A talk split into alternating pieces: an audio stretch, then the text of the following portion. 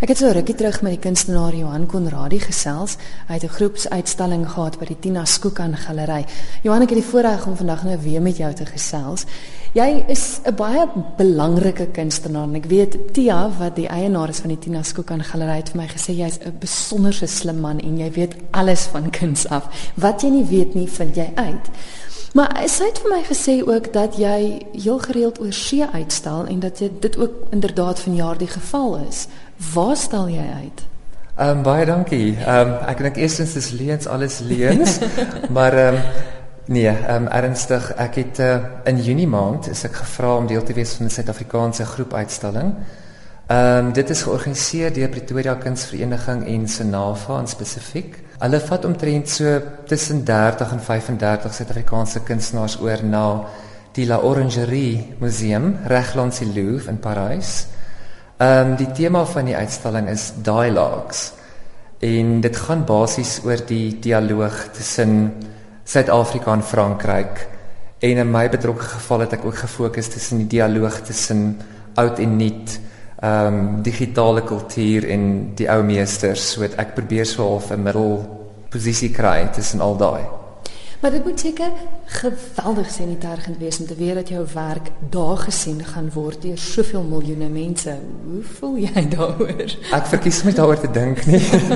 mense mense doen maar net die werk met die beste van jou vermoë, maar daar is altyd 'n onderliggende opwinding in mens en ook mense so bewus van die die oomblik wat iets kan flop.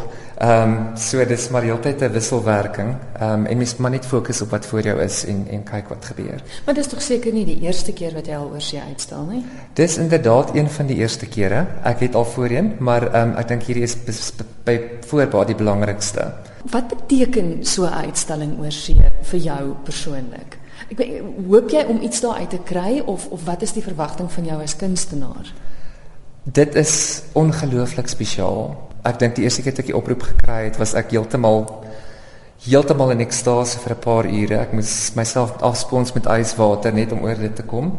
Maar dit is dis regtig inderdaad belangrik. En mens mens leer om kansse te vat. En mense weet jy met jou produksie lig tot op 'n volgende vlak.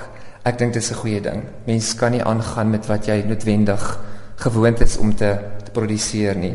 Dit is so 'n belangrike geleentheid. Mens voel regtig mens moet jouself bietjie na hoër vlak toe stoot. So hoeveel van jou werk word uitgestal? Hulle het van elkeen van ons net een werk en almal moet op dieselfde grootte werk wat natuurlik die hang daarvan makliker maak.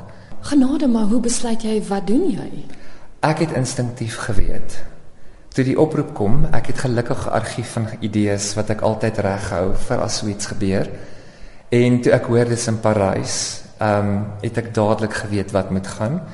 Ek het 'n foto onlangs geneem van ehm um, Saint-Chapelle toring wat 'n fantastiese bekende klein ehm um, gotiese kapelletjie is in die hart van Parys. Ek het die toring afgeneem en toe ek 'n laag ehm um, geborduurde voile, goue borduurde voile bo die beeld gesit. En um, ek het dit saam geprint as 'n digitale print. En toe ek met sy garing deur die digitale print begin borduur om daai idee so ver as moontlik te stoot en daar's ook Swarovski kristalle in in die werk. Goeie genigtig. Ok nou ek kan nou nie Parys toe gaan om dit te gaan kyk nie, nou maar is daar 'n manier hoe ek die werk gaan kan sien. Ek is seker hulle sal 'n webblad gereed hê. Ek weet hulle gaan ook die uitstalling in Suid-Afrika hou na die tyd. So ons kan maar dalk net met die luisteraars kan dalk maar net die koerante dophou en miskien dalk kontak maak met Pretoria Kunsvereniging om uit te vind presies waar is dit te besigtig. Ons sal verseker. Sê vir my, jy vat gereeld van jou studente, vat jy ook oor see na biennale toe en so. Wanneer gaan julle weer? Ehm um, daar is 'n toer in September maand wat ek beplan het na die Normandies uh, Normandiese impressionistiese fees. Ek vat 'n groep van huidigelik van 20 mense. Ek het ons akkommodasie gekry in Rouen dan bly ons vir 5 nagte daar want ons baie groepsuitstallings van Monet en al die wonderlike mense van die tydperk. Daarna gaan ons vir 8 nagte Parys toe. So ek het al reeds 'n baie spesiale um, agenda uitgewerk vir die mense waar ons 'n klassieke musiekkonsert gaan bywoon in Saint-Chapelle een aand.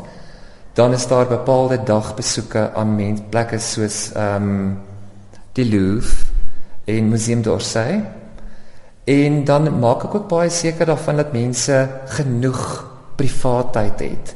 Want my vooronderstelling met die organisasie van hierdie toere is dat ek te maak het met mense wat ook selfstandig is. Ek het te maak met mense wat ook hulle vrye spasie soek. Dis altyd 'n balans om 'n struktuur in plek te stel en die regte besluite te neem vir die groep, maar ook hulle bietjie ehm um, asemhalingsspasie toe te laat om hulle eie ding te doen.